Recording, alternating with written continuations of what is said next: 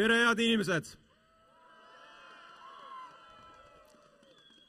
ma südamest ja siiralt tänan teid, et te selle meist mittesõltumatutel asjaoludel venima läinud alguse olete suutnud siiski ära oodata. see andis võib-olla võimaluse ka neile, kes äh, on, äh, kalduvad hilinemisele, aga nüüd ma usun, et on kõik kohal, kes siin olema peavad ja, ja vabalt võib ju ka veel liituda. tere ka teile, kes te seda jälgite äh, Facebooki vahendusel olge ka teie väga hoitud. Äh, ma näen siin inimesi, äh, ma vaatan teie silmadesse ja ma ei näe väga palju siin sellist äh, lootusetust, õigemini ma ei näe seda üldse. mida ma näen? ma näen sellist säravat pilku lootust ja võitlusvalmidust selle sõna kõige paremas tähenduses. Te olete vinged inimesed Te olete siin, te olete õige asjas väljas ja see ei jää märkamata. on ju nii? aga ilma pikema sissejuhatuseta ma palun siia Varro Vooglaiu, kes on, äh, ma usun, meile kõigile teada kui üks õige mees õige asja eest väljas. ole hea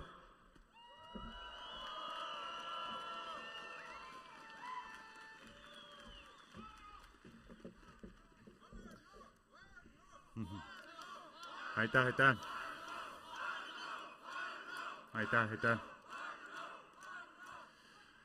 aitäh teile tõesti südamest äh, selle eest, et te olete järjekordselt äh, teinud selle ohvri et tulla siia kohale mitte ainult Tallinnast, vaid ka väga paljudest teistest kohtadest üle Eesti. et suur aplaus tõesti kõigile nendele inimestele, kes käituvad tõeliste kodanikena, aitäh teile!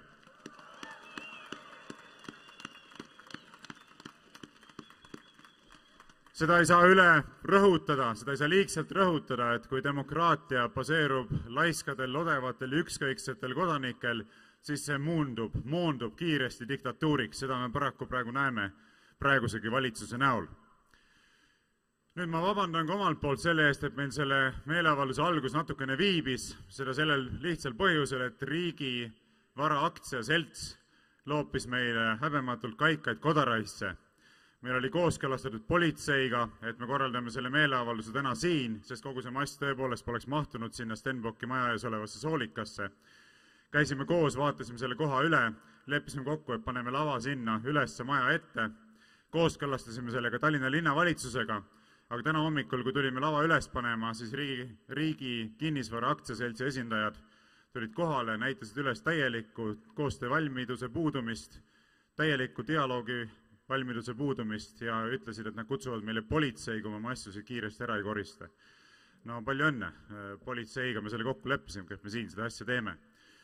ja mis politseisse puutub, siis vähemalt selles osas, mis minul on nendega kokkupuuted olnud, olnud siin, on olnud koostöö väga konstruktiivne, ma neid selle eest tänan ja palun, et ka tänasel meeleavaldusel, et me järgiksime nende juhiseid ja viiksime selle ürituse läbi soliidselt, väärikalt ja heas koostöös politseiga niikuinii me seisame paljuski ühe asja eest, ega politseinikud ka ei taha olla selles olukorras, kus nad peavad hakkama tegema endale kolmandaid või neljandaid süste, kus nende kolleege, kellega nad on mitukümmend aastat koos töötanud, vallandatakse ja nii edasi. nii et me oleme kõik ühel pool rindejoont, niivõrd kui meil on olemas toimiv mõistus ja natukenegi toimiv südametunnistus. aga nüüd äh, asja juurde või tegelikult siiski mitte. Tegelikult siiski mitte ma tahtsin tegelikult öelda veel ühe asja, ennem kui me alustame, et äh, nagu ma ütlesin ka kahekümne kolmanda oktoobri meeleavaldusel, ma olen sügavalt veendunud, et need jõud, millega me seisame silmitsi, on kurjuse jõud, need on üleloomulikud jõud ja et nende jõududega võidelda, selleks meil on alati kasulik kutsuda appi ka armastuse jõude, häid jõude, valguse jõude. Ja teine põhjus, miks ma arvan, et me võiksime võtta hetke ja paluda nende jõudude abi, seisneb selles, et äh, täna hommikul tuli ka traagiline teade, et Madis Milling, Riigikogu liige, kes äh, oli ühtlasi päästja, äh, hukkus viibides siis päästjana kohustusi täites. ma asjaolusid ei tea, ma olen olnud hõivatud muude asjadega, aga igal juhul ma arvan, et oleks igati paslik ka võtta hetk ja palvetada tema hinge eest. Nii et kui te ei ole vastu, siis võtame selle hetke. meie isa kes sa oled taevas, pühitsetud olgu sinu nimi. sinu riik tulgu, sinu tahtmine sündigu nagu taevas, nõnda ka maa peal. meie igapäevast leiba anna meile tänapäev ja anna meile andeks meie võlad, nagu meiegi andeks anname oma võlglastele. ja ära saada meid kiusatusse, vaid päästa meid ära kurjast, sest sinu päralt on riik ja vägi ja au igavesti, aamen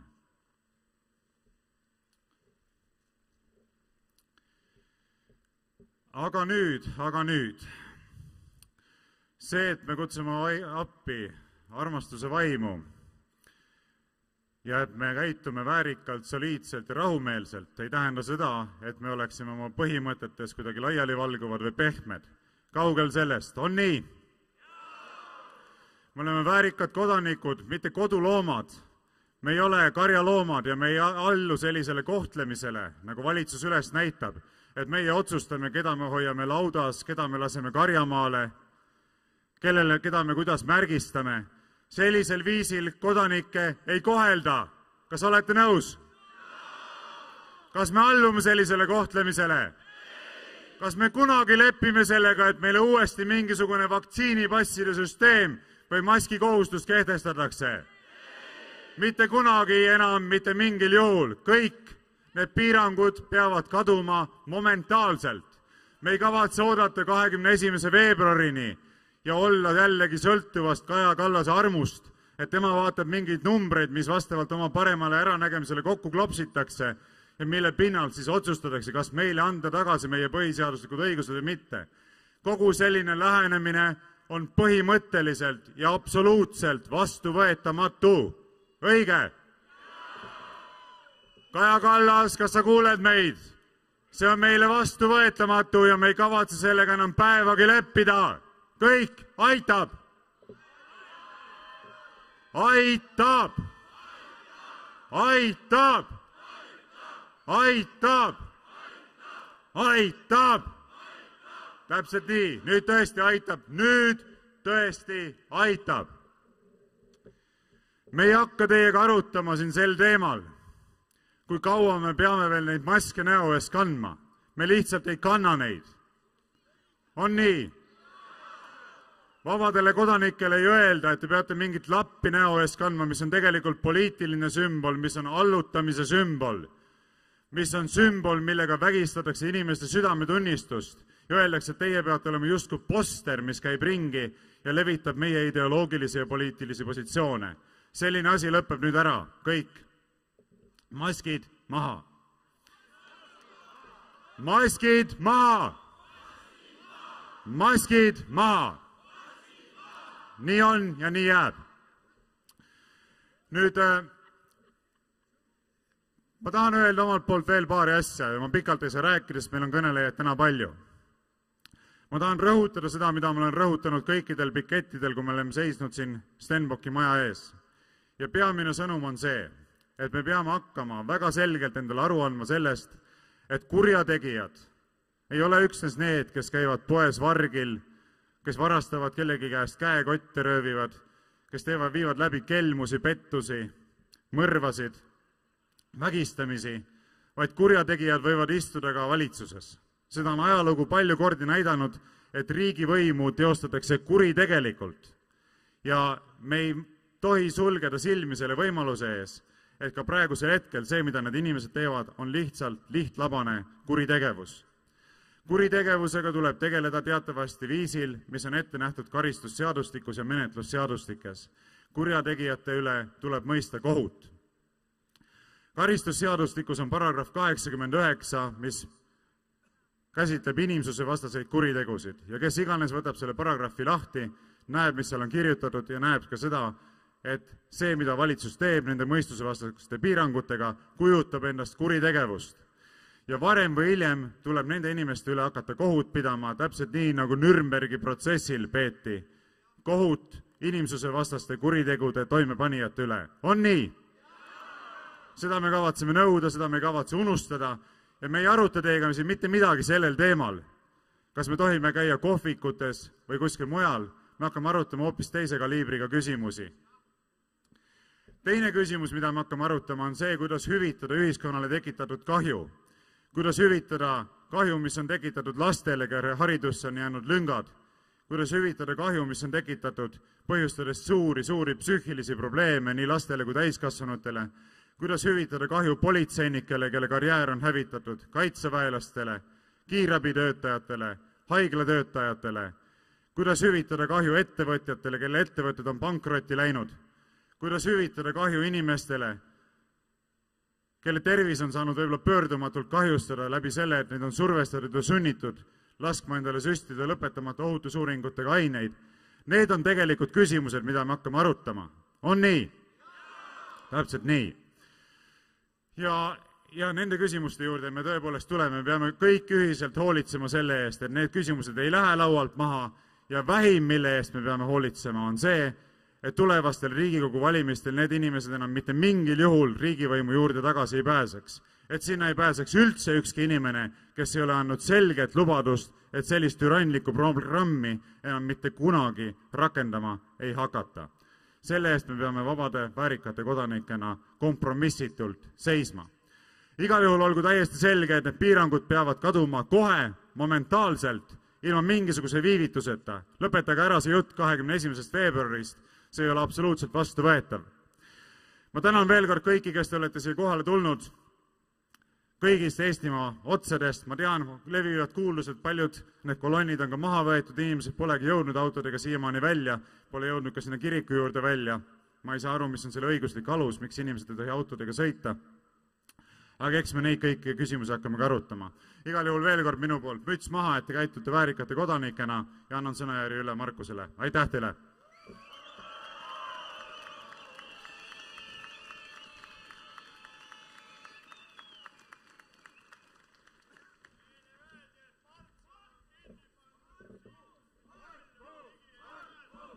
Aitäh.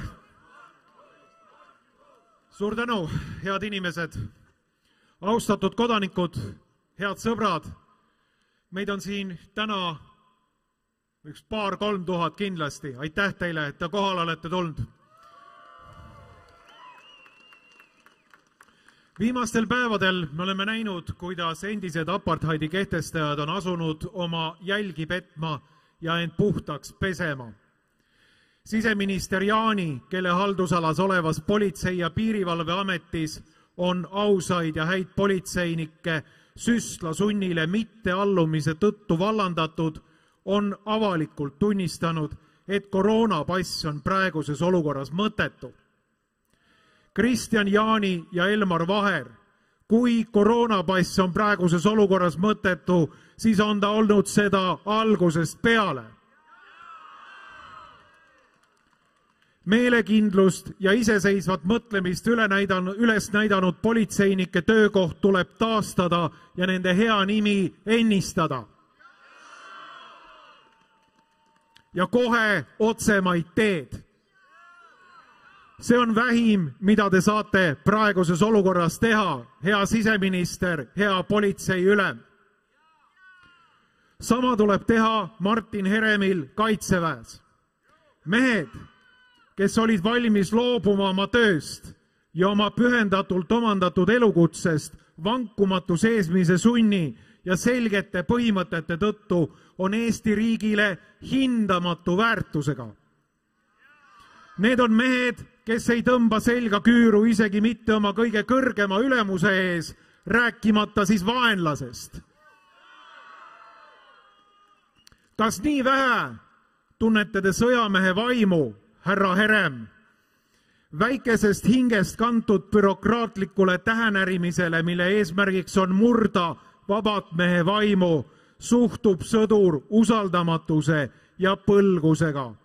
ent väärikust, karmi rüütellikku distsipliini ja eneseohverdust inspireerivale juhile järgneb sõjamees kas või kindlasse surma, sest see on tema kohus, tema au ja tema verekutse ma kordan, iga kaitseväest süstlasunnile mitteallumise tõttu vallandatud sõjamees on meie riigile kulda väärt. tema teenistus, kui ta peaks seda veel soovima, tuleb ennistada ning teda tuleb vankumatu väärikuse ülesnäitamise eest autasustada ametikõrgendusega nii toimiks aristokraatlikku militaarselt kultuuri viljelev armee juhatus. nii toimiks riik, mille nimel oleks üleüldse mõtet võidelda, elada ja surra. kas te saate aru, Kaja Kallas, Tanel Kiik, Kristjan Jaani, Elmar Vaher ning lugematud ülemad ja alamad ametnikud apartheidi režiimi kellassepad ja peenhäälestajad, roosa maskiga taskudiktaatorid, millega te olete hakkama saanud. oma väikese hingega olete muutnud väikeseks kõik selle, mis kunagi oli suur. madaldanud olete te kõike seda, mis on ülev, aga armetusest olete teinud uue õilsuse ilusa olete muutnud plastikusse pakitud kitšiks, aga selle, mis on meile kallis ja mida me armastame, meie oma riik, rahvas ja selle vabadus, olete teie suutnud muuta tülgastavaks koloniaalvõimuks, mille tundmatuks, meile tundmatuks monstrumiks, mis hävitab Maarjamaad ja tema rahvast saate aru, Kaja Kallas ja teised, mida te olete teinud selle riigi ja rahvaga? rüvetanud olete te kõike, mida olete puutunud, aga puutunud olete te peaaegu kõike. aga mis kõige hirmsam ja pahaendelisem, valest olete te teinud uue tõe ning olete seda kuulutanud tänavatel ja majade katustelt. vähe sellestki, kõiki neid, kes teie uut tõde ei usu ega seda tunnista, olete te asunud taga kiusama ja välja tõrjuma. hiljuti tunnistas endine Sotsiaalministeeriumi asekantsler, et valitsuse koroonaaparteidi mõtteks oli survestada inimesi end vaktsineerima. loomulikult on iga mõtlemisvõimeline inimene teadnud seda ju kogu aeg ja ainus uudis selles väljaütlemises on see, et üks apartheidi passi väljatöötamise juures viibinud isik seda avalikult tunnistab. kuid meenutame nüüd, kuidas sotsiaalminister Tanel Kiik apartheidi passi õigustas omal ajal, mäletate? alates eelmise aasta augustist rääkisid Kiik ja riigi propagandateenistus meile nakkusohutustõendist. mõni kuu hiljem, kui kõigile sai selgeks, et apartheidi tõend ei kaitse ei nakatumise ega haiguse edasikandmise eest, pühiti nakkusohutustõendi mõiste kiiruga vaiba alla. kuid pange tähele, Jesse tunnistuse valguses on selge, et süsteemi üks arhitekte, minister Tanel Kiik, valetas algusest peale rahvale julmalt näkku. apartheidi pass oli disainitud inimeste survestamismeetodina, laskmaks süstida enda kehasse lõpetamata ohutusuuringutega vedelikke, mitte niinimetatud nakkusohutustõendina. Tanel Kiik valetas algusest peale. Te valetasite inimestele, Tanel Kiik. häbi. Täna näeme, kuidas apartheidi kehtestajad on tagasi tõmbunud, kuna valede hulk on kasvanud üle pea ning kellelegi ei jää nende valetamine enam hoomamatuks. me pole täna tulnud siia üksnes selleks, et koroonapiirangute viimitamatut lõpetamist nõuda, mida tuleb loomulikult teha kohe praegu, täna. ja ilma igasuguse jututa. Ent me nõuame lisaks sellele ka vastutust. taskudiktaatorid ja minitürannid peavad saama kohtulikule vastutusele võetud. probleem, mille ülekätte läinud valitsused nii Eestis kui ka mujal on tekitanud, ei lähe iseenesest ära. kui valitsuse liikmeid, ametnikke, teadusnõukogude liikmeid vastutusele ei võeta, siis jääb valitsusele edaspidi riiulisse sõjajärgses Euroopas pretsedenditu kodanikuõiguste tühistamise tööriist mille võib iga hetk jälle välja võtta. ilma vastutuseta ja konkreetsete karistusteta võib kõik jälle korduda. võib isegi siis, kui tulevad karistused, ent kui ei tule, siis kordub päris kindlasti.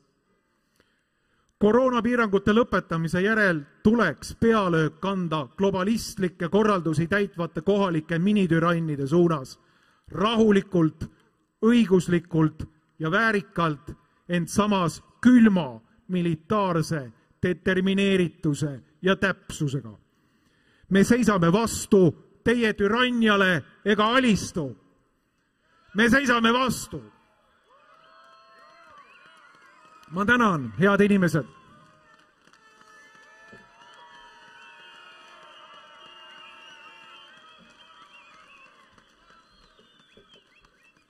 olles siin eelnevatel, tõsi küll, mitte kohapeal, neljapäevadel kuul-, kuulanud neid erinevaid sõnavõtte ja kõnesid, siis on kuidagi keeruline mõelda, kuidas veel sellest samast teemast rääkida. aga Markus sai sellega suurepäraselt hakkama. suur tänu sulle! Aga nüüd ma kutsun siia mehe, kes, kes väga olulistes, olulistes küsimustes suudab sirgeselgselt välja öelda, mis on õige ja mis on vale, mis teadupärast poliitikute hulgas just ülemäära levinud iseloomuomadus ei ole. ma kutsun siia Eesti Konservatiivse Rahvaerakonna esimehe Martin Helme, palun.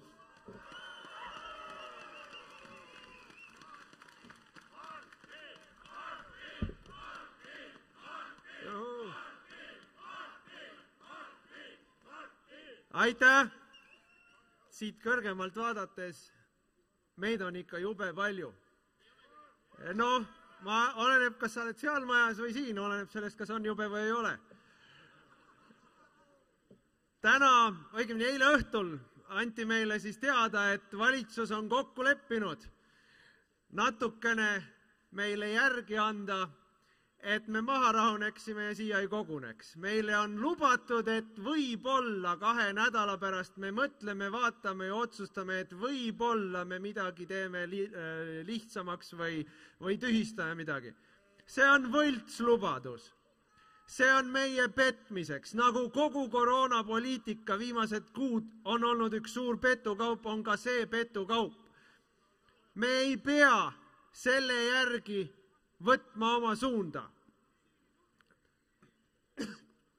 mul on kõigile üleskutse. kuna me kõik teame, et valitsus saab oma legitiimsuse rahvalt, siis meie ei lohise valitsuse otsustamatuse järel, vaid meie näitame valitsusele teed oma otsustavusega. juba täna lõpetame kõik igal pool koroonapassi küsimise ja näitamise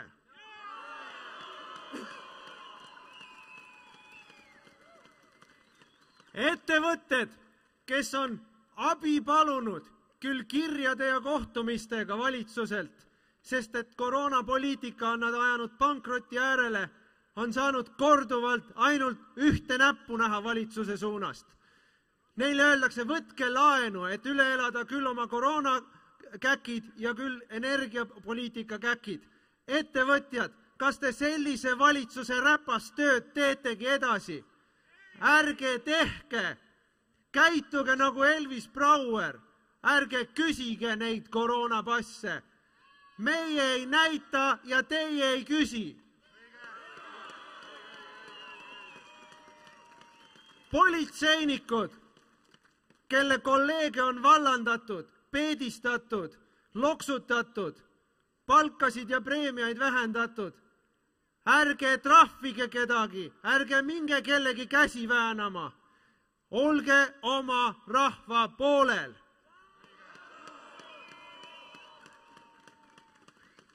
kaupluse kassapidajad, ärge täitke neid korraldusi. Te teate, et varem või hiljem osutuvad need korraldused nii ebaseaduslikuks kui mittekehtivaks.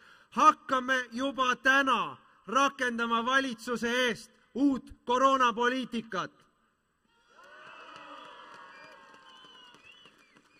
ega meil ei ole täna tegelikult Eesti Vabariigi põhiseaduslikku valitsust.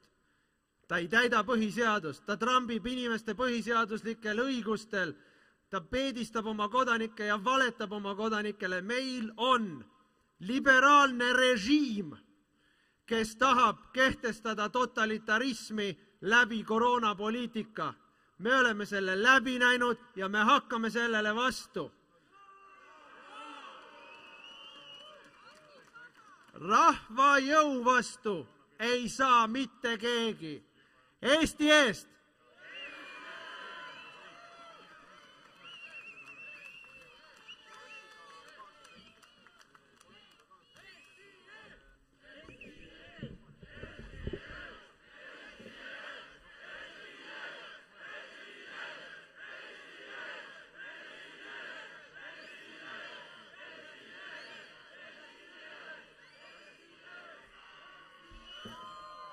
suurepärane. aga nüüd ma paluksin siia ühe naisterahva, kes, kelle silmadest on näha, et äh, tal on mure. kes siiralt muretseb selle pärast, mis meie inimestega tehakse, aga kelle süda on õige koha peal. ma palun siia Mariann Joonase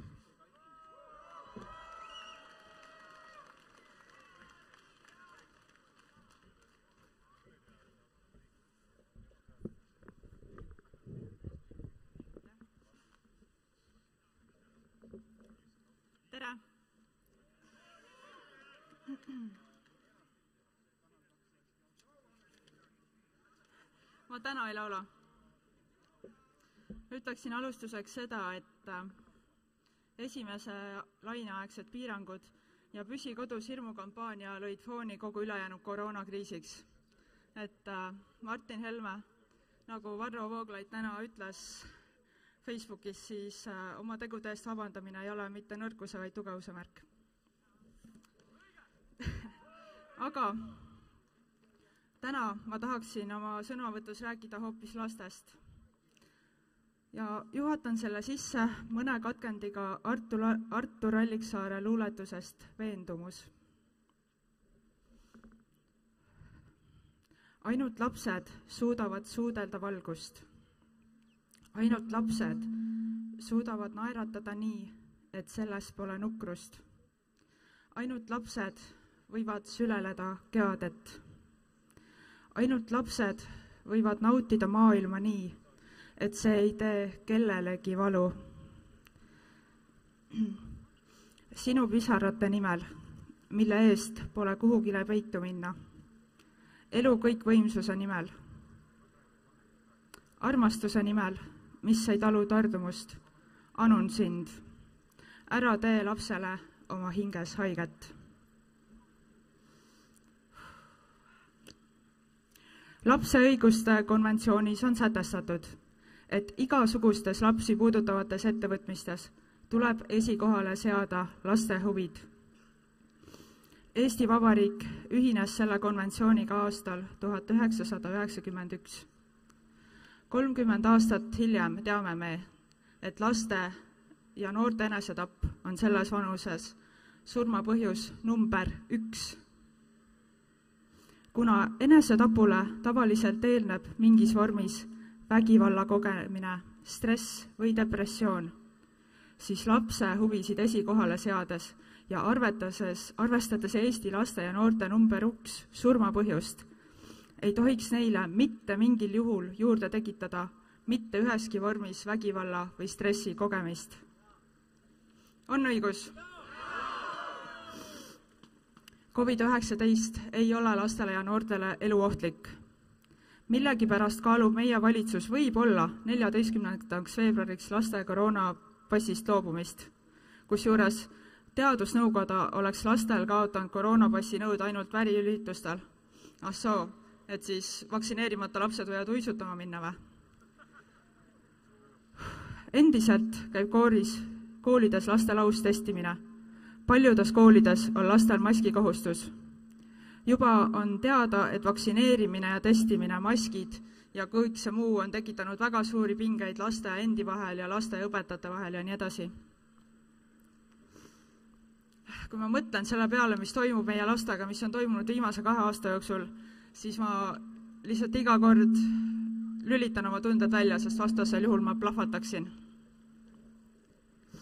miks on nii, et Rootsis, kus peaksid ka justkui olema targad ja arstid ja teadlased, on nemad kogu selle koroona aja olnud arvamusel, et lapsed ei pea kogu klassi nähes ennast mitu korda nädalas testima, lapsed ei pea olema distantsõppel. Ja lapsed ei pea kandma maski. muidugi Rootsis ei pea maski kandma ka täiskasvanud kui siis seda ainult soovitatakse, ainult täiskasvanutele, ainult ühistranspordis ja ainult tipptunni ajal.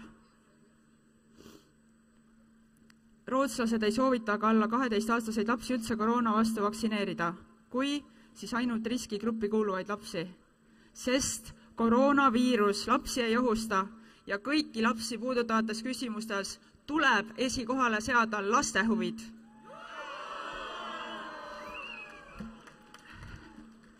ma ei saa aru, kuidas meil see siin Eestis ei ole veel kohale jõudnud, isegi uudiste valguses, et enesetapp on number üks surmapõhjus ja et sa, et käe, eelmisel aastal jõudis haiglasse sada kolmkümmend enesetappu üritanud last.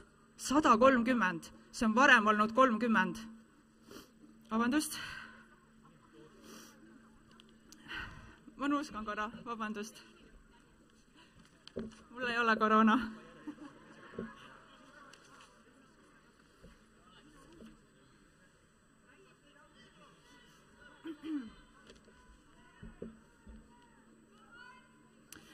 laste ja noorte enesetappe on meil viimasel kahel aastal olnud ligi kakskümmend. samal ajal on koroonaga seotud surmasid vaid paar, aga sada kolmkümmend enesetapukatset. ja selle peale mainitakse muide eelmine nädal Päevalehes, et riiklik vaimse tervise tegu, tegevuskava lastele valmib käesoleva aasta lõpuks. Vau! nagu, et ootame selle aasta lõpuni, et äkki siis midagi hakkab paremaks minema, selle asemel, et päevapealt õpetada lastele kõik need fucking koroonapiirangud.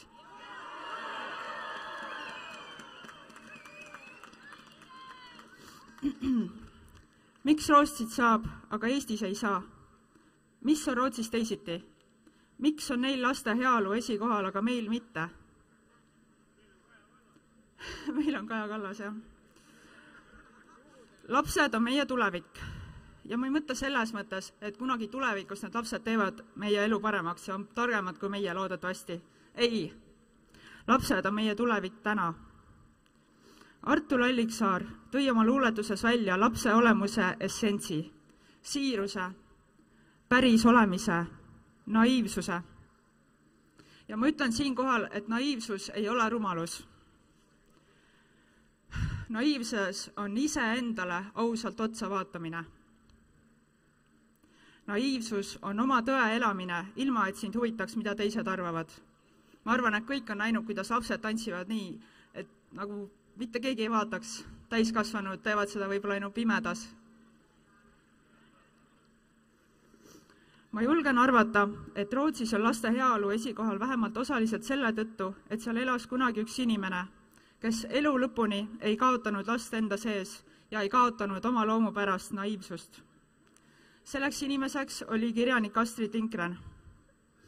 Te võite praegu kulmu kergitada, aga kui te uurite Rootsi lähiajalugu, just päevapoliitikat, kultuurielu ja meelelahutust, siis aastatel tuhat üheksasada nelikümmend viis kuni kuskil üheksakümnendate keskpaigani oli ta väga aktiivse tegutsejana suureks mõjutajaks kogu Rootsi kultuurile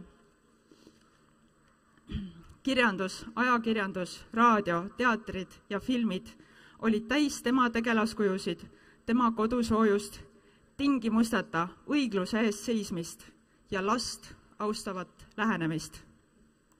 Ta oli tohutuks mõjutajaks kogu Rootsi rahvale, sest lisaks relvitustegevale naiivsusele ja uskuge mind, kui te loete tema äh, sõjapäevikuid Teise maailmasõja ajast, siis see on otsast otsani naiivsust täis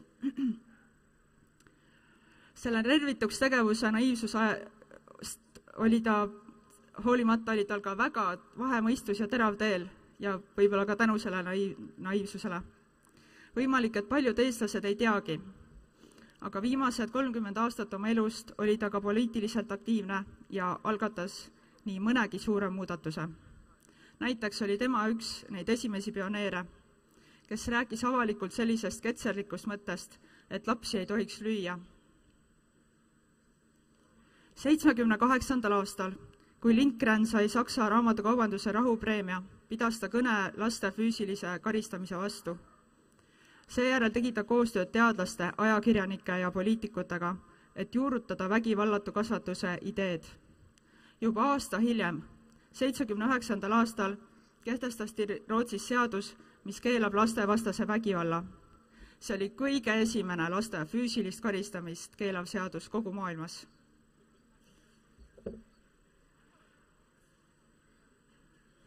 kujutage ette, millega sai hakkama üks lastekirjanik.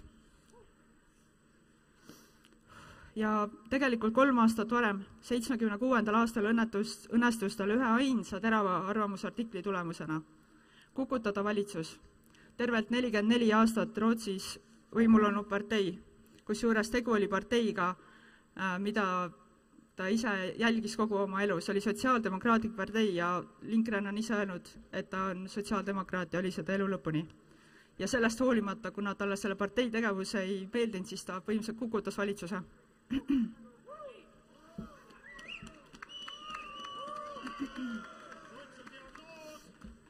Astrid Lindgren on öelnud ka sellise legendaarse lause, et poliitika on liiga oluline, et seda poliitikute hooleks jätta. olete nõus? mida ma selle kõigega öelda tahan? ära mitte kunagi alahinda ühe siira inimese jõudu, kes iseendasse ja oma eesmärki usub. üks siiras inimene suudab korda saada rohkem kui tuhat korrumpeerunud poliitikut.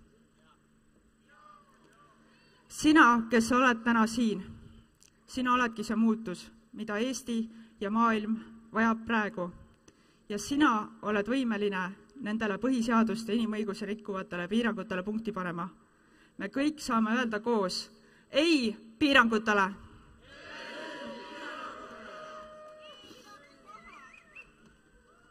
Lapsed, nende siirus, headus ja usk enesesse päästavad maailma. ja just seetõttu on meie kohustus nõuda lastele mõeldud piirangute lõpetamist, mitte kahe nädala pärast, vaid kohe praegu. sest kui Rootsi on saanud hakkama ilma, saame ka meie.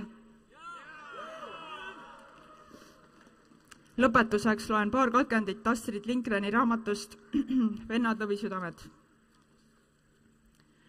Küsisin Joonatani käest, miks ta peab minema nii ohtliku asjaga tegelema. ta võiks ju sama hästi jääda koju rüütli tallu tule juurde istuma ja tunda ennast mõnusasti. aga selle peale ütles Joonatan, et on olemas asju, mida peab tegema siis, isegi siis, kui see on ülimalt hädaohtlik. aga miks ometi, pärisin mina. sest et muidu pole sa mingi inimene, vaid lihtsalt väike rämps, kostis Joonatan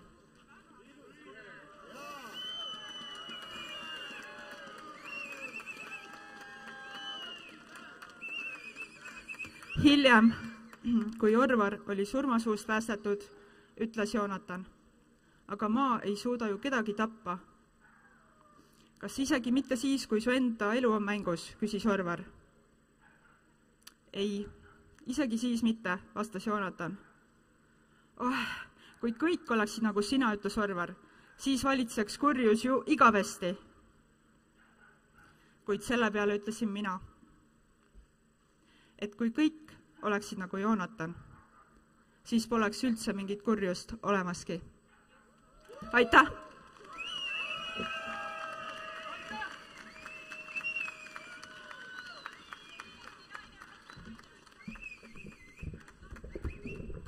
Suurepärane.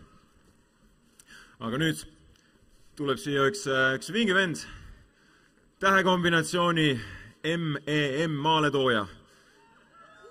Kõva võitleja, terava meele ja keelega, aga seejuures hea südamega ja selge silmavaatega mees, Elvis Brouer.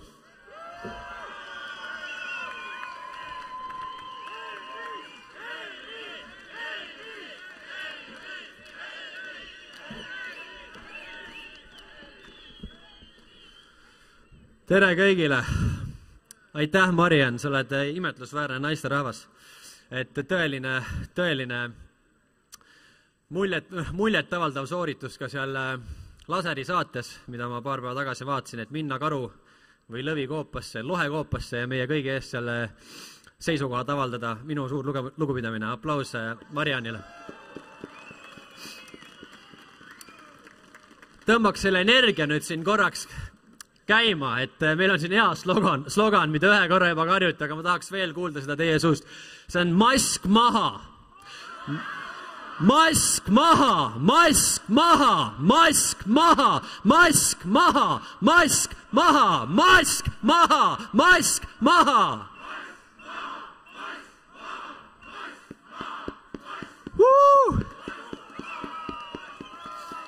Ma mäletan, kui me alustasime kevadisi meeleavaldusi ja me käisime juba siis plakatitega mööda Tallinna linna ringi see siin, jah, käisime mööda Tallinna linna ringi ja hüüdsime sedasama sloganit.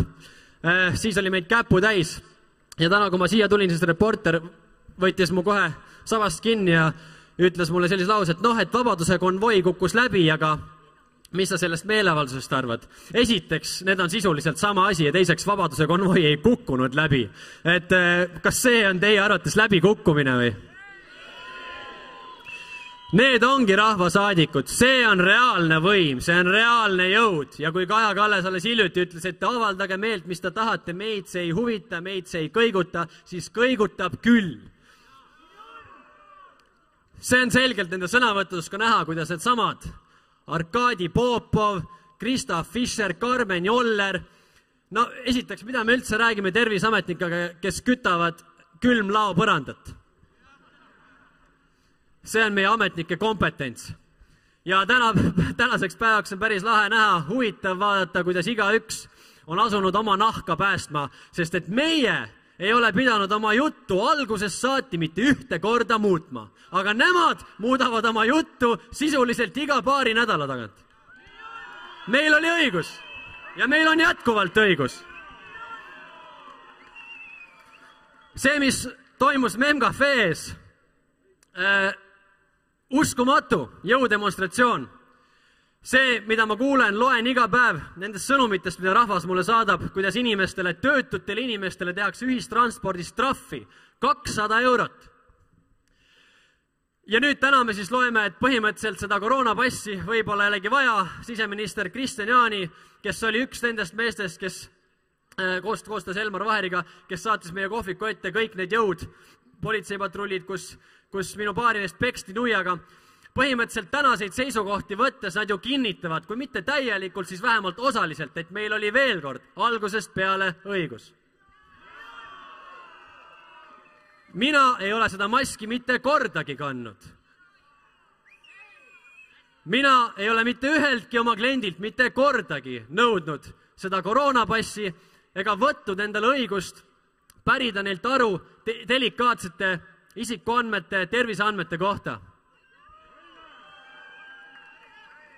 ja selle tagajärg on see, et mina võin marssida sisse politseiasutusse ülekuulamisele ja öelda neile, et mina maski ei kanna ja seda mulle vastati, selge, võtame arvesse. see on võimalik, kui me teeme seda kõik koos, kui me lööme seljad sirgu, tõstame pead ja ütleme kõik koos, aitab. aitab, aitab, aitab, aitab tehke nii, et nad meid kuuleks.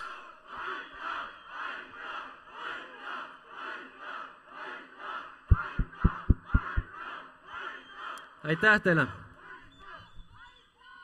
ma ei hakka täna pikka kõne pidama, sest nagu siin mainiti korduvalt, meil on vaja hoida seda energiat, kasvat-, kasvatada ja võimendada. see siin on ainult esinduskoda, igaüks meist teab veel kahte, kolme, kui mitte kümmet inimest. kokku on meid sadu tuhandeid. see ei ole väike jõud, see ei ole mingisugune vähemus, nagu politseinikud või turvafirma või terviseametnikud või valitsuse liikmed üritavad meile väita. me ei ole vähemus, me oleme kasvav enamus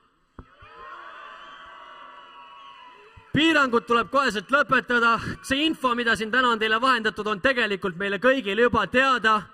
Eh, panen teid ühe korra veel üheskoos lausuma seda sloganit, mille saatel mind lavale juhatati. memm tähendab me ei murdu, me ei murdu, me ei murdu, me ei murdu, me ei murdu.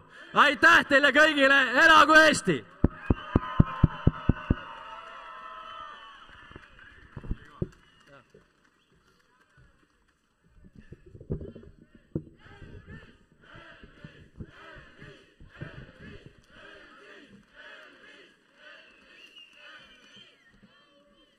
Äh, enne kui edasi läheme, ma palusin äh, või tähendab, või ma lubasin ühe äh, proua teate edasi öelda, et nimelt Miina Hint on mures, et temale kuuluv ruupor on läinud kaduma, kui keegi kõnnib ringi temale mittekuuluva ruuporiga, siis olge hea, andke see tagasi. aga nüüd tuleb siia kõnelema üks härrasmees, kes ma pean täitsa maha lugema. nimelt, tuhande üheksasaja üheksakümne seitsmendast aastast on ta Kotkaristi neljanda klassi teenetemärgi kavaler ta on endine Kaitseväe juhataja nõunik ja pea, peainspektor ning kahe tuhande viienda aasta lõpul kolo-, kolonelleitnantina erru läinud mees. lisaks eelnevale on ta ka ajaloofilosoofia vaimulik. tema äh, mõlgutusi ja, ja meenutusi on olnud õnne mul ka väiksemas ringis äh, vahel kuulda ja, ja ma olen selle eest siiralt ja südamest tänulik. härra Einar, Einar Laigna, palun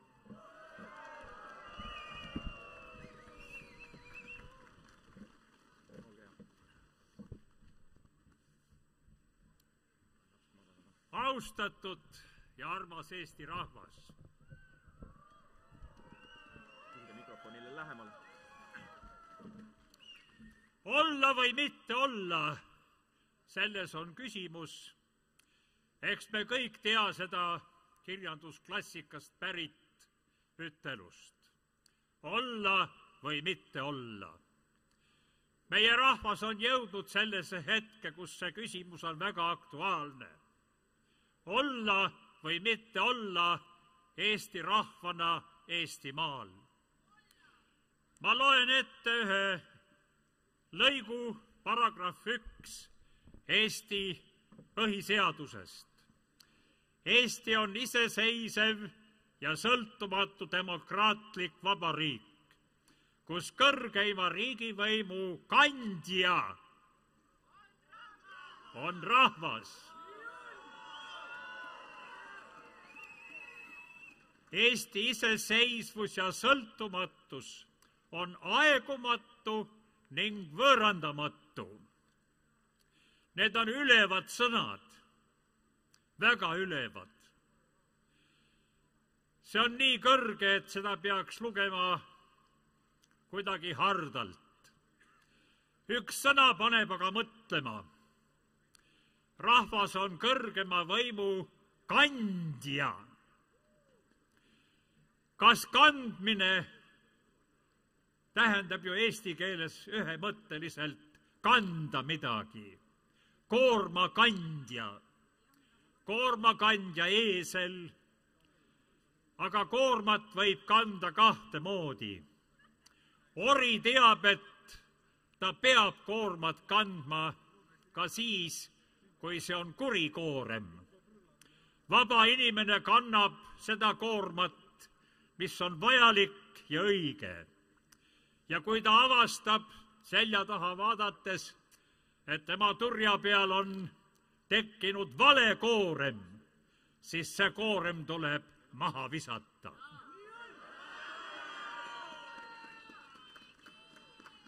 sest kui põhiseadus räägib sellest, et rahvas on võimu kandja, siis see tähendab ühtlasi seda, et ta on ka otsustaja, missugust ta kannab. kolmkümmend aastat on läinud mööda. ja me küsime, kas tõesti me oleme nüüd hukkuv rahvas. nii. oli prohvet Reits enne teist maailmasõda ja Reits ennustas ette kogu seda sündmustikku, et peale sõda tuleb viiskümmend aastat ühte võimu ja siis saab Eesti rahvas lühikese hingamise aja. sellele järgnevad väga rängad sõnad prohveti suust. ja siis Eesti annab kõik ise käest ära. Ja viimased sõnad olid kõige rängemad ja Eesti rahvas pillatakse mööda ilma laiali ajaloos on kaks sõna juba Sumeri aegadest. paratamatus ja saatus. paratamatus on kosmiline, mille vasta inimene ei saa. ei ÜRO, ei Euroopa Liit ega isegi mitte praegune Eesti valitsus ei ole suutelised muutma planeetide käiku. see on paratamatus aga inimese saatus on meie käes ja seda saatust saame me ise juhtida, hoida ja muuta. selleks tuleb ärgata, selg sirgu ajada ja muutuda koormakandjast orjast vabaks inimeseks, kes kannab ainult seda koormat, mis on õilis ja vajalik ärka, Eesti rahvas. ärka, Eesti rahvas. ärka ja aja selg sirgu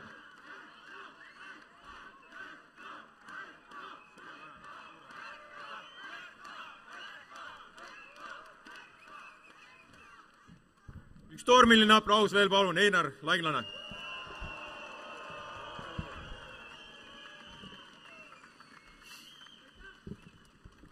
aga nüüd tuleb siia, räägib äh, oma jutu, info ja kõik vajalikku Telegram portaali üks juhtidest, Ando Tõnumaa, palun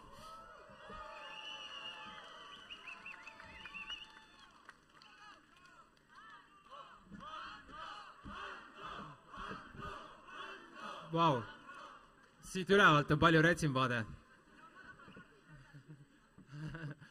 Ähm, ma olen viimasel ajal väga palju kuulnud niisugust äh, juttu, et äh, kahe tuhande kahekümnenda aasta kevadel me veel ei teadnud, mis toimub, infot oli vähe ja lihtsalt me ei saanud aru.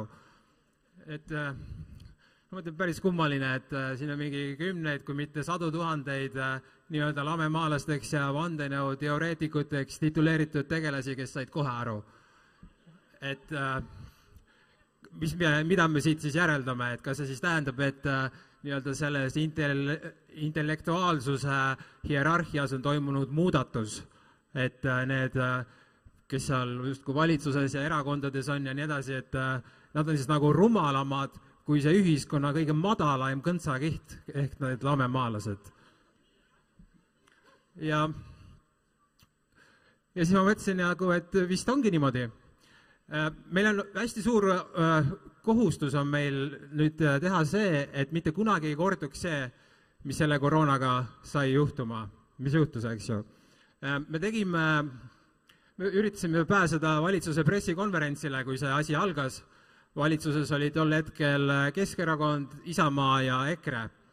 meid ei lastud sinna ja noh, meid ei ole sinna siiamaani lastud. aga meil õnnestus äh, tänu advokaatide abiga saada lõpuks vastused nendele küsimustele, miks me tahtsime üldse pääseda valitsuse pressikonverentsile.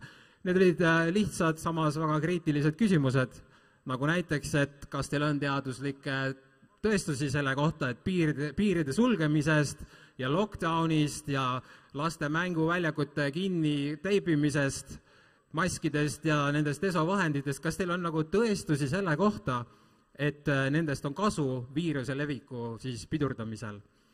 ja umbes äh, kuus kuud hiljem saime siis tänu advokaatide, saime lõpuks valitsuselt nagu vastused. ning selle lühikokkuvõte, see oli umbes nelikümmend küsimust, aga lühikokkuvõte sellele oli see, et me tegime kõik need sulgemised ja piirangud sellepärast, et kõik teised tegid ka.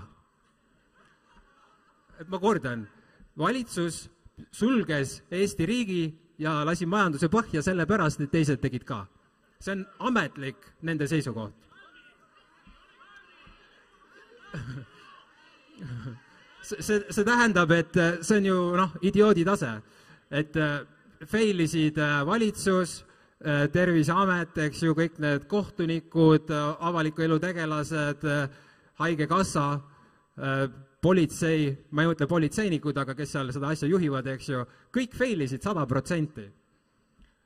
et eh, nüüd on hästi oluline, et mida teha selleks, et seda mitte kunagi uuesti juhtuks. ja vaata, see Lord Acton on öelnud kunagi ammu, et võim korrumpeerub ja absoluutne võim korrumpeerub täielikult. üks minu hästi rikas sõber, miljonär, ütles, et valitsuses töötavad vaesed ja rumalad inimesed. ta ütles, et mitte ükski rikas inimene ei lähe selle näruse viie tuhande eest nende idiootide keskele.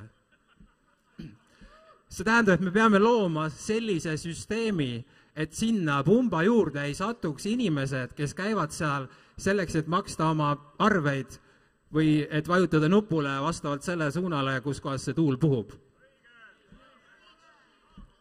Äh, üks variant selleks oleks see, et seal, kes seal üleval on, et nad saavad Eesti keskmist palka.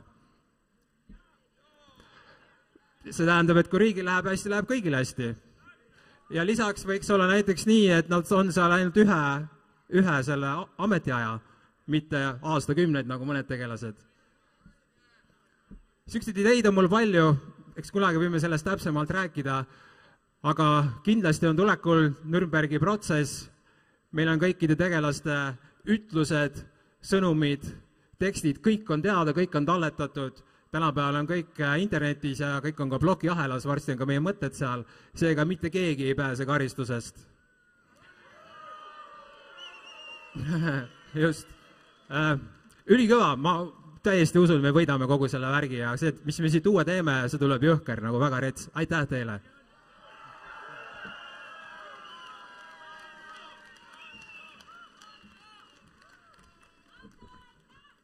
ja nüüd äh, ma palun siia kolumnisti, näitleja ja ühe särasilmse proua.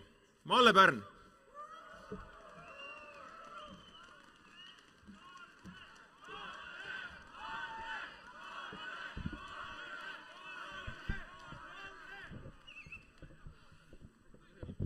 panete mu nutma. nii tore on näha siin nii palju ilma maskita inimesi. ma näen teie rõõmsaid näoilmeid. ma tunnen tuttavad inimesed ära. uskumatu. näete, kui vähe on vaja selleks, et inimene võiks elust rõõmu tunda. kui hea on olla inimene inimeste hulgas. Jah, me oleme jälle siin. mitte kunagi pole meil olnud nii palju meeleavaldusi nagu viimastel aastatel, eriti sellel viimasel. mis siis ometi lahti on? miks nii paljudele ei meeldi see, mida teevad meie võimul istuvad liberaalid? Need, kes on kangesti sallivad ja avatud ja hoolivad ja solidaarsed ja liberaalsed ja kärarikkalt kuulutavad suurtel plakatitel, et kõik on sama palju inimesed ja erinevus rikastab. me kõik teame vastust sest nende tegevus on nende loosungitele täpselt vastupidine. Nende tõde on vale ja nende hoolivus on vihkamine.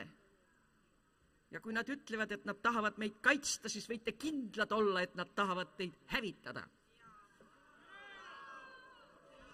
kõigil meeleavaldustel on üks alus.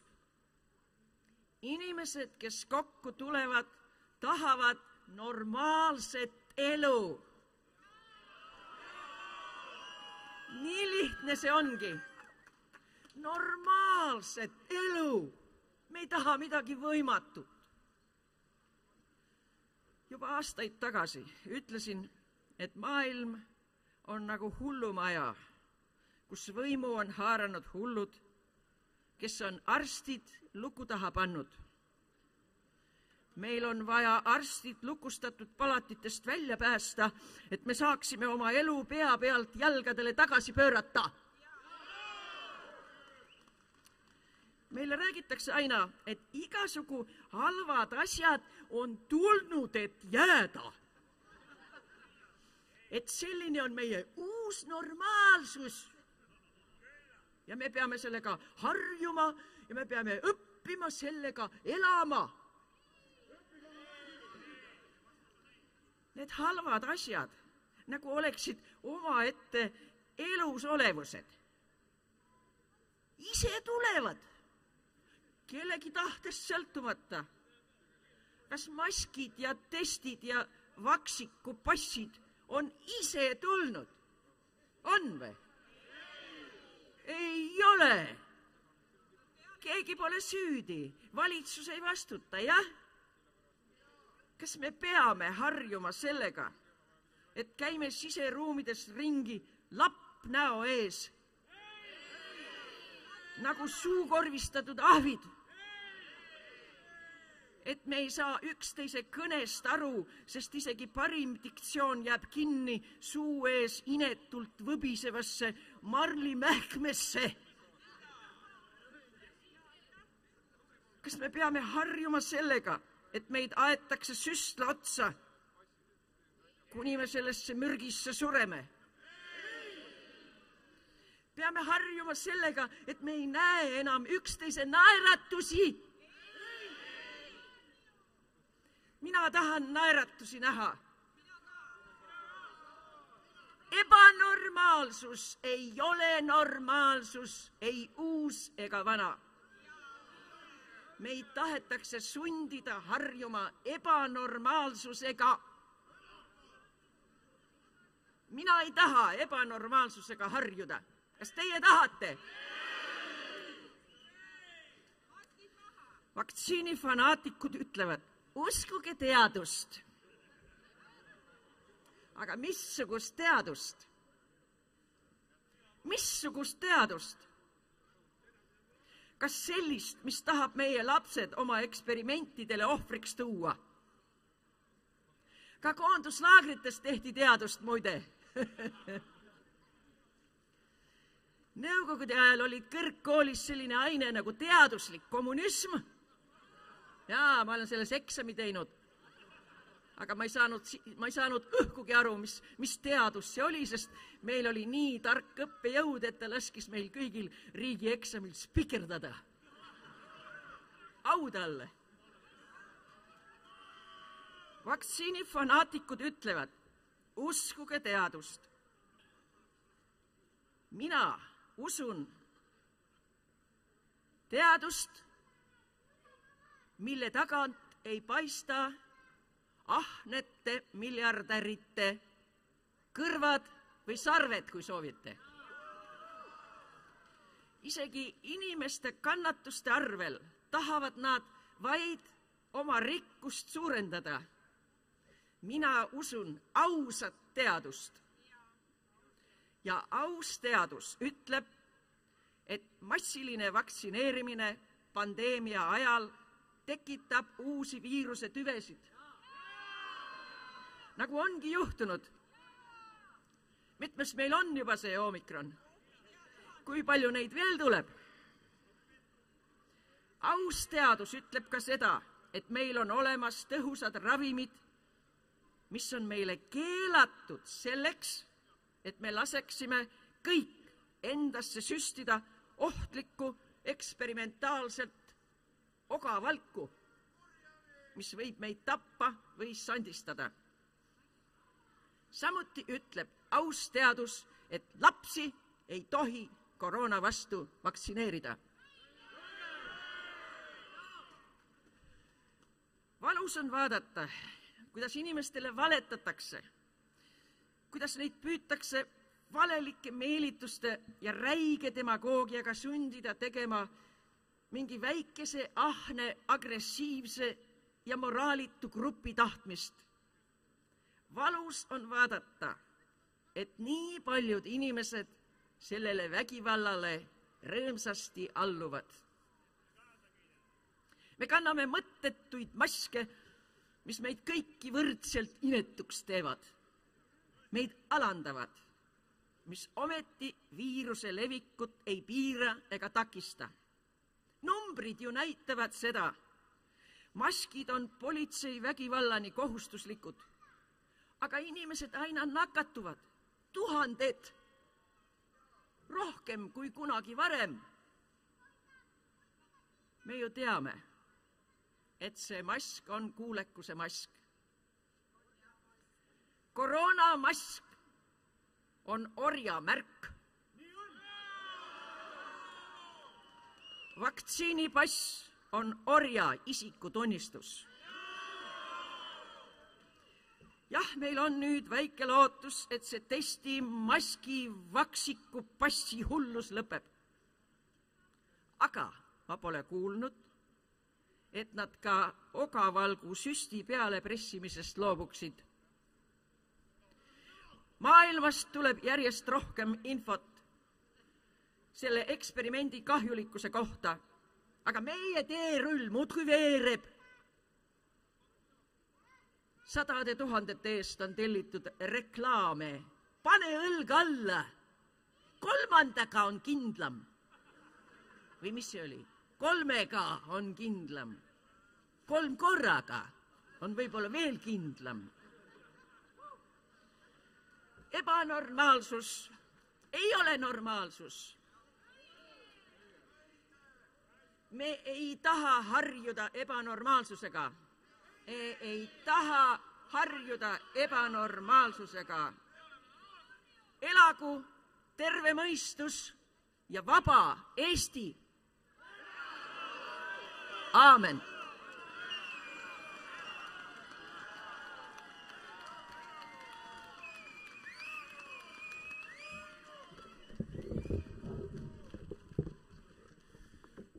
suurepärane, taaskord, midagi pole öelda. kui on äh, huumoriga ka see asi läbi pikitud, siis, äh, siis on eriti hea kolm korraga tänan, ei. aga nüüd tuleb siia taaskord üks poliitik, kes äh, sarnaselt Martin Helmega julgeb öelda, kui asi on õige, kui asi on vale. härra Anti Poolamets, palun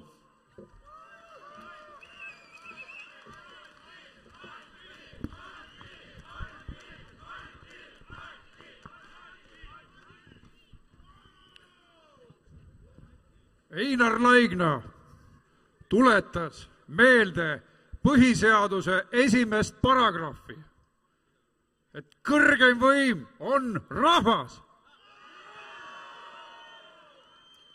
mina tuletan meelde põhiseaduse paragrahvi kaheksateist, millest meil haruharva räägitakse.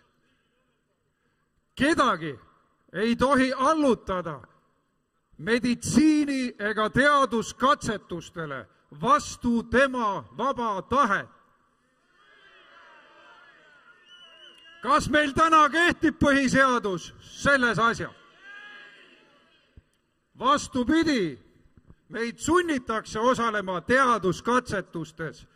ei tea, mis teadus see selline on. ma tuletan meelde, Pfizer on selline ettevõte, kes sai kaks koma kolm miljardit dollarit trahvi USA võimudelt võltsravimite turundamise eest, võltsravimite turundamise eest. kust me teame, mida meile täna pakutakse? USA valitsus solvus omaenda ravimigigandi peale, sest ta võltsis uuringuid, ta määris kaela epilepsia ja närviravimeid, mis ei olnudki ravimid, see oli pettus. kust me teame, et ta seekord on aus, kust me teame? aga teate, meil on inimesed, kes meie eest teavad. Nemad on meile passi kehtestanud. ja passiga on lood halvasti, tõepoolest halvasti. mul on ka taskus üks huvitav dokument, mille nimi on läbipõdemistõend. ma ei kasuta seda, sest mul on häbi seda kasutada. sellepärast, et pool rahvast ei saa kusagil käia. ja ma kutsun üles neid, kellel on see nõndanimetatud pass, boikoteerima selle kasutamist ja pange tähele, mõne nädalaga on passid prügikastis toetage, olge solidaarsed teiste kodanikega ja mõne nädalaga on see passiralli läbi. passid prügikasti. passid prügikasti. passid prügikasti. prügikasti, kus on prügikastid? alles hiljuti tunnistas Maris Jesse et need passid ei olnudki mõeldud viiruse leviku peatamiseks, sest elu on selle ammu ümber lükanud, ammu ümber lükanud, vaid selleks, et teid sundida teaduskatsetustes osalema, ravimikatsetustes osalema, ta võttis selle omaks. me ju kõik teadsime seda, et sellega sunnitakse. sellepärast võeti ära negatiivne test, sellepärast, et sundida. aga ma tuletan meelde, et sadu väga väärikaid inimesi erinevates Eesti otstes on vallandatud selleks, et sundida neid vaktsineerima. mul on küsimus, kas me peame nendele inimestele hüvitust maksma ja nad tööle tagasi võtma? kes on selle poolt, tõstke käsi Nende kõikide inimeste ees peab valitsus vabandama ja andma neile tagasi töökohad ja hüvitama neile tekitatud kahju. põhi, põhiseaduse paragrahv kaheksateist on meie selja taga. kellelgi ei ole õigust selliseid eksperimente praegu läbi viia ja mis on kõigi silme all läbi kukkunud. Rakvere linnapea ütles alguses, kui ta jäi haigeks Õnneks ma olen vaktsineeritud, et ma kindlasti tõsiselt haigeks ei jää. aga siis, kui ta jäi tõsiselt haigeks, siis ta ütles, et on küll halvad lood, aga loodan, et ma jään ellu. ja ta tegi ilmselt ka kolmanda, jah, kolmanda süsti ja ta jäi uuesti haigeks. aga ta tunnistas, aga ta tunnistas seda, et jah, ta sai aru, et nüüd on tõesti aeg lõpetada need vaktsiinipassid, sest see ei kaitsenud teda ega sadu tuhandeid teisi ja sellepärast solidaarsusest teiste vastu ma kutsun passi omanikke neid mitte kasutama ja nõuda samamoodi lõpetamist, selle ralli lõpetamist. ja ma tuletan meelde paar lugu, mida Eesti avalikkus ei tea. See oli hiljuti, just siis, kui politseinikelt hakati küsima, et noh, kas lähed töölt ära või teed süsti. ja juhtus selline asi, et Tapal lasi end üks politseinik maha. terve mees, tugev mees, ta lasi end maha. me tegime siseministrile arupärimise, öeldi, et asutusesiseseks kasutamiseks. Nad ei tunnistanud, et ta lasi ennast selle vaktsineerimise sunni tõttu maha me tõesti ei tea seda täpselt, aga paraku jutud käivad, et just see oli põhjuseks. et just see oli põhjuseks.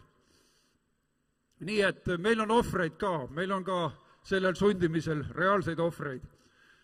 ja neid tuleb juurde. ja ma küsin ka seda, et kas me teame vaktsiinikahjustustest. me, meil oli üks metsa, metsamäng lastega ja vanemad äkki ütlesid, laps on kadunud, laps on metsa kadunud. et kuidas nii, et las ta teeb ju häält, et küll me ta üles leiame. see oli Eestis. aga vanemad ütlesid, tal on narkolepsia, ta võib igal pool magama jääda, ükskõik kus kohas. ja, ja ta magabki, tal on narkolepsia. Kas sellest räägitakse? Rootsis on viissada inimest, kes on saanud invaliidsuse narkolepsia tõttu, viissada inimest. ja kes sellest räägib? riik on maksnud kümme miljonit neile hüvitist ja see oli seagripi vaktsiini tõttu. nii et alati on halb, kui meile jäetakse pool infot rääkimata. nii et me peame oma kaaskodanikke kaitsma ja nende valikuvabadust austama, sundvaktsineerimisele vastu seisma, vaktsiinipassidele vastu seisma elagu Eesti! elagu Eesti!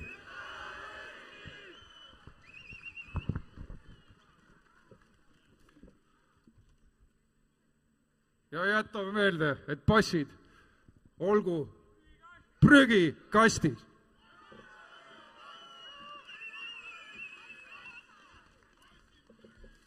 Me jätkame selles mõttes samal lainel, et tuleb taas kord üks poliitik, kes äh, seisab sirgeselgselt meie kõigi eest. Kalle Grünthal, ma palun.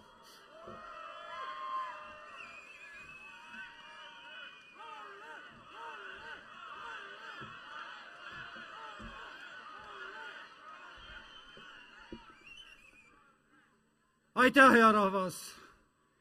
mulle tundub, et on taas ärkamise aeg. Täpselt nii, nagu oli fosforiidisõda läks lahti kaheksakümnendate aastate lõpus ja mis tõi meile iseseisvuse. ma arvan, et ajalugu kordub ja ma arvan, meil tuleb käia läbi uuesti seesama tee. sellepärast, et kui me astusime Nõukogude Liitu, niimoodi vähemalt serveeriti, käis Eestist delegatsioon seda palumas Moskvas, Kremlis kes on viitsinud, vaadake ajalooraamatutesse. ja ajalugu on kordunud jälle. praegu on meie valitsuse liikmed käinud Brüsselis paluma ennast Euroopa Liitu jäävalt sisse saamiseks, et olla föderaalne osariik selles Euroopa Liidus vaidlete vastu, jah? aga teod näitavad, toon teile kaks näidet. kõigepealt, kes tõi siia vaktsineerimise, kes tõi siia vaktsiinipassid, kes tõi maskid ja muu jama, mille tulemusena on inimesed töötud, haigestunud, surnud. Need on kaotatud elud, mida ei tohi unustada. Kõik need Kallased, Kiiged, Jollerid, Popovid ja kõik need väiksemad kupjad ja jooksupoisid, kõik need peavad kandma vastutust ja ma ütlen sedasama lause välja, mida ma ütlesin ka Riigikogu puldis. see ei päästa teid, et ma ainult täitsin käsku.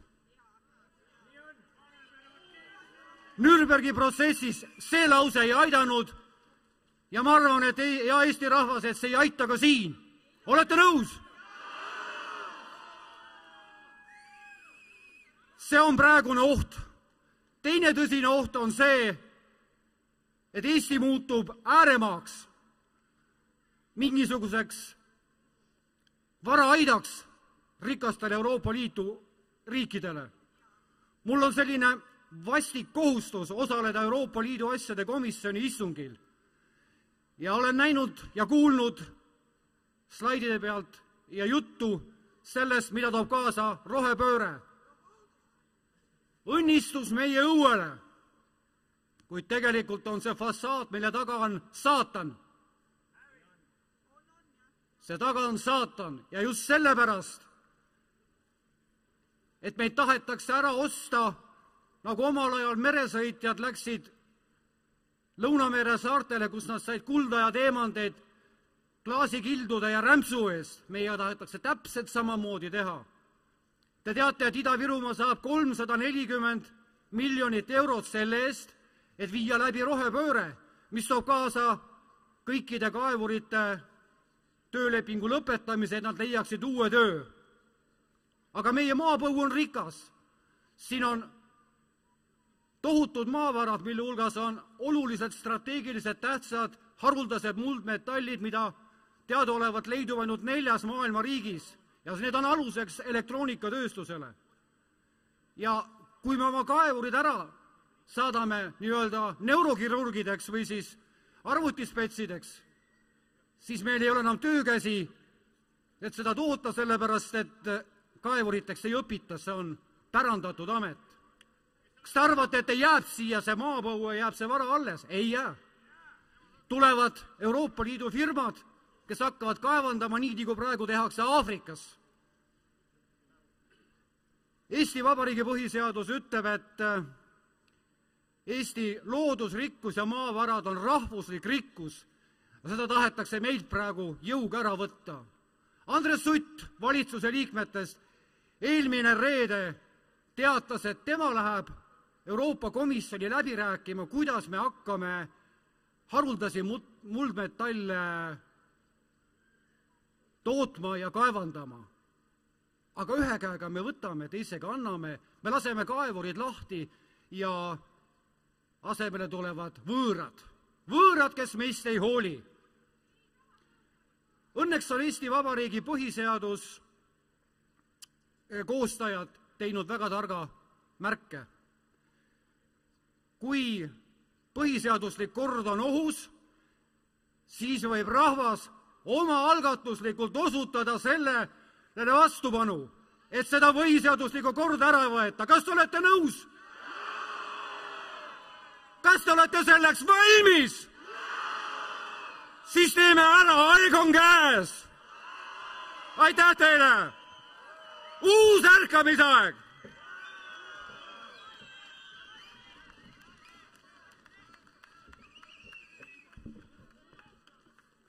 Nüüd on rääkinud järjest mehised mehed, aga et asi oleks tasakaalus, tuleb siia üks äh, naisterahvas kodutunde produtsent Kristi Loigo, ma palun.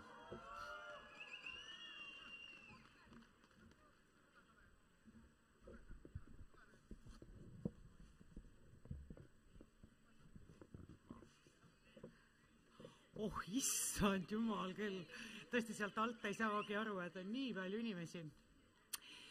Äh, mina olen siin sellepärast, et minu, ma tõesti arvan, et maailmas kõige tähtsam ja ma arvan ka teile kõige tähtsam on kodutunne. ja ma olen siin emade ja naiste nimel, kes on mulle viimane aeg kirjutanud, kelle noored lapsed, abikaasad on teinud enesetapu tänu sellele olukorrale, mis meil siin täna on. olen ka mina kaotanud oma noorema venna ja, ja näen oma ema pealt, mida tähendab lapse kaotus.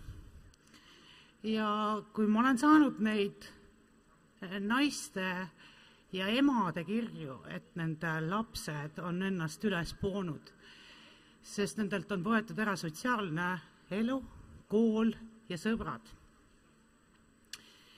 siis me ei räägi siin ju ainult koroonast, me räägime noortest inimestest, kes on meie tulevik. Ma väga palun, ma olen väga kaua ka mõelnud, et kas üldse võtta sõna ja kas, kas üldse rääkida. aga kui ma saan selliseid lugusid, et üks ema peab oma poja metsast alla lõikama või abikaasa oma, oma mehe, sest ta ei jõua enam oma peret ülal pidada, siis ma arvan, et see koroona on küll kõige väiksem asi ja ma tahan teile öelda, et, et me oleme nagu liiga kaugele selle asja lasknud minna. et äh, võtkem ennast kokku ja, ja hoidkem meie noori, et äh, nad on sotsiaalsed, nad just arenevad alles, meie oleme siin täiskasvanud, me võib-olla saame hakkama, aga noortel puudub veel elukogemus. et ei jõua, tõesti ei jõua. et see, see ei see ei täida oma eesmärki, mida tehakse, et see on lihtsalt piinamine. Ja mulle teeb ääretult valu see, kui ma näen, mis juhtub nende tavaliste, kõige tavalisemate inimestega, kellest mitte keegi ei räägi. iga päev me teeme hommikul lahti mingisugused uudised, kus me loeme jälle mingisuguseid koroona mingi, mingeid uudiseid, aga mitte keegi ei ütle, kui palju on enesetappe, kui paljud noored on praegust nagu stressis, et äh, noh, palun seiskem nende eest ja tulge inimesed välja, ärge lubage seda teha, võtke tõesti need maskid maha ja aitab sellest lollusest. aitäh teile.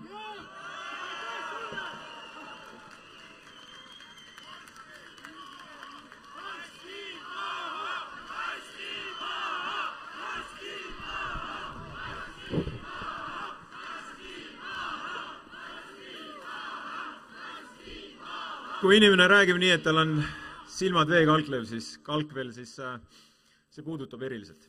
aitäh, Kristi, sulle! aga nüüd palus sõna mees platsilt, nagu ta ise ütles, Meelis Osa.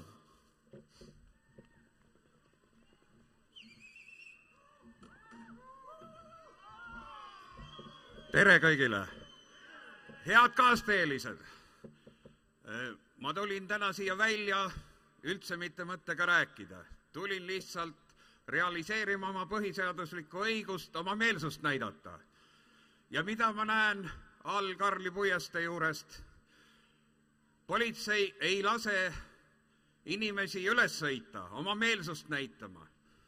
eile juba vist uudistest hakkas info, et põhiline on, et tagada liiklus Toompeal, tagada eeskätt kiirabi ja päästeameti juurdepääs aga tuleme nüüd selle juurde, kui palju kogu selle koroonapaanika vältel on jäetud inimesi ilma plaanilisest ravist. kui palju on inimesi, kellele ei anta koroonaraviks ravimeid, ainuke asi on vaktsiin, vaktsiin, vaktsiin. ei ravimeid, ei vitamiine, midagi ei propageerita. ja sellega ma tahaksingi küsida et nüüd võib-olla on kellelegi vaja kiirabi või Päästeametit ja siis pannakse kinni inimestel võimalus oma meelsust näidata. kas me tahame taastada oma põhiseaduslikud õigused? aga teeme seda, see valitsus peab kukkuma. aitäh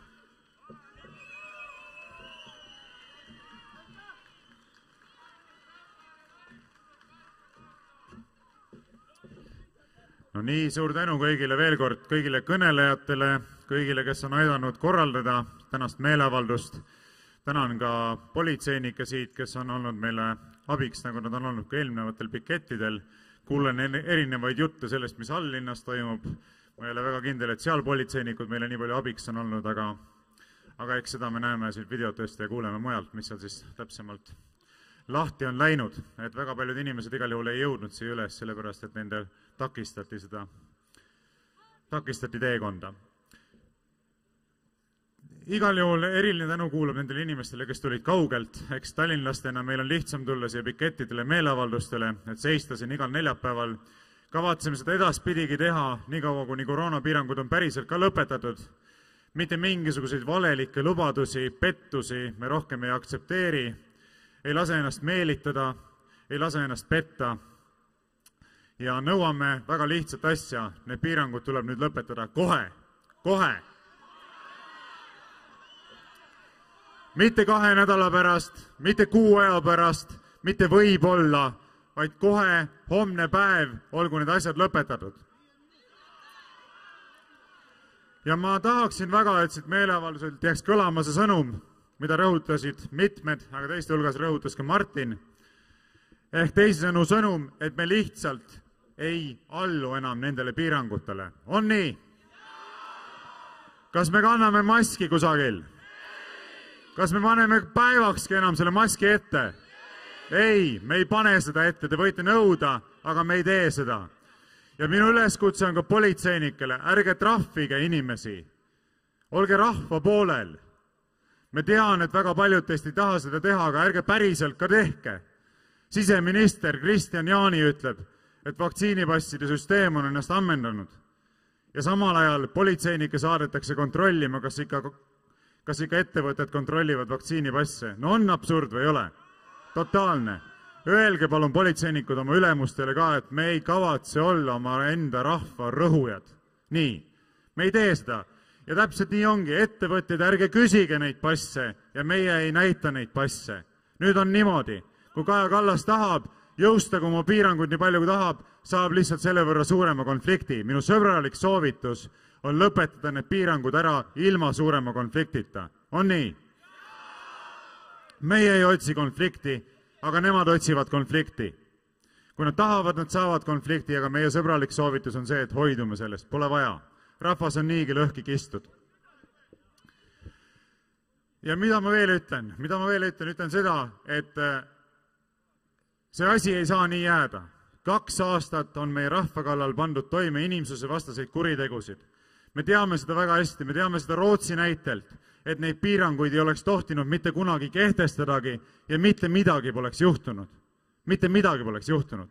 Rootsis on viiruse levikuga seis parem kui Eestis, mitte halvem kui Eestis. ometi pole seal päevagi kehtinud mitte mingisugust maski kandmise kohustust, mitte ühtegi päeva. ja vaktsiinipasside süsteemi pole hiljutise ajani kehtinud mitte mingil kujul ja praegugi kehtib see väga piiratud kujul ainult suurte ürituste puhul. keegi ei räägi sellest, et ei tohi minna jõusaali või kohvikusse või restorani. mitte mingisugust katastroofi pole sellega seonduvalt saabunud. ja see on fakt, mida on võimatu ümber lükata ja selle fakti kontekstis see, mida need inimesed seal majas teevad, kvalifitseerub mitte millegi vähema kui lihtlabase kuritegevusena. tegemist on kurjategijatega, on. ja niimoodi tuleb nendesse ka suhtuda. kui need inimesed tulevad meile jälle mingisuguseid pastakaid jagama kuskil tänaval, tänaval, et hääletage minu poolt, siis tuleb nad lihtsalt välja naerda ja järgmise aasta me peame nüüd töötama tõsiselt selle nimel, esiteks et need inimesed võetakse oma kuritegude eest vastutusele. teiseks, selle eest, et hakatakse hüvitama kõike seda kahju, mida on põhjustatud ühiskonnale. muuhulgas ennistades teenistusse kaitseväelased, politseinikud, arstid, kiirabitöötajad ja teised. ja kolmandaks selle eest, et need inimesed, kes istuvad seal valitsuses, ei pääseks enam mitte kunagi avaliku võimu juurde, mitte kunagi täpselt samuti, nagu oleks pidanud üheksakümnendate alguses hoolitsema selle eest, et partei aparatšikud poleks saanud enam uuesti võimu juurde. nüüd peame me sellest veast õppima, mis toona tegi, tehti ja hoolitsema, et need inimesed enam kunagi riigivõimu juurde ei saaks.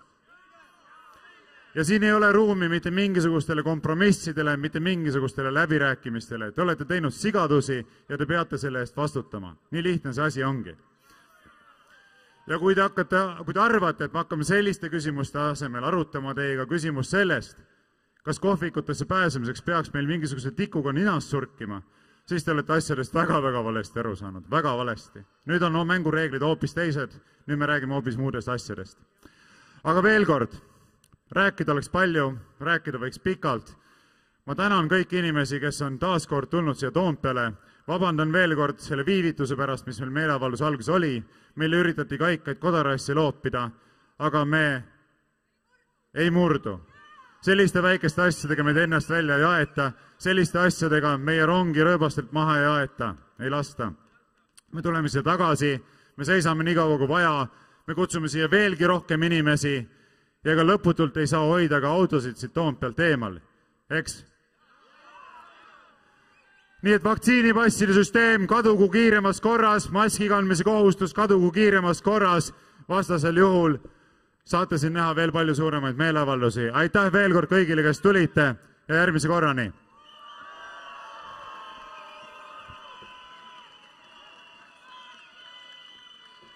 palume muusikat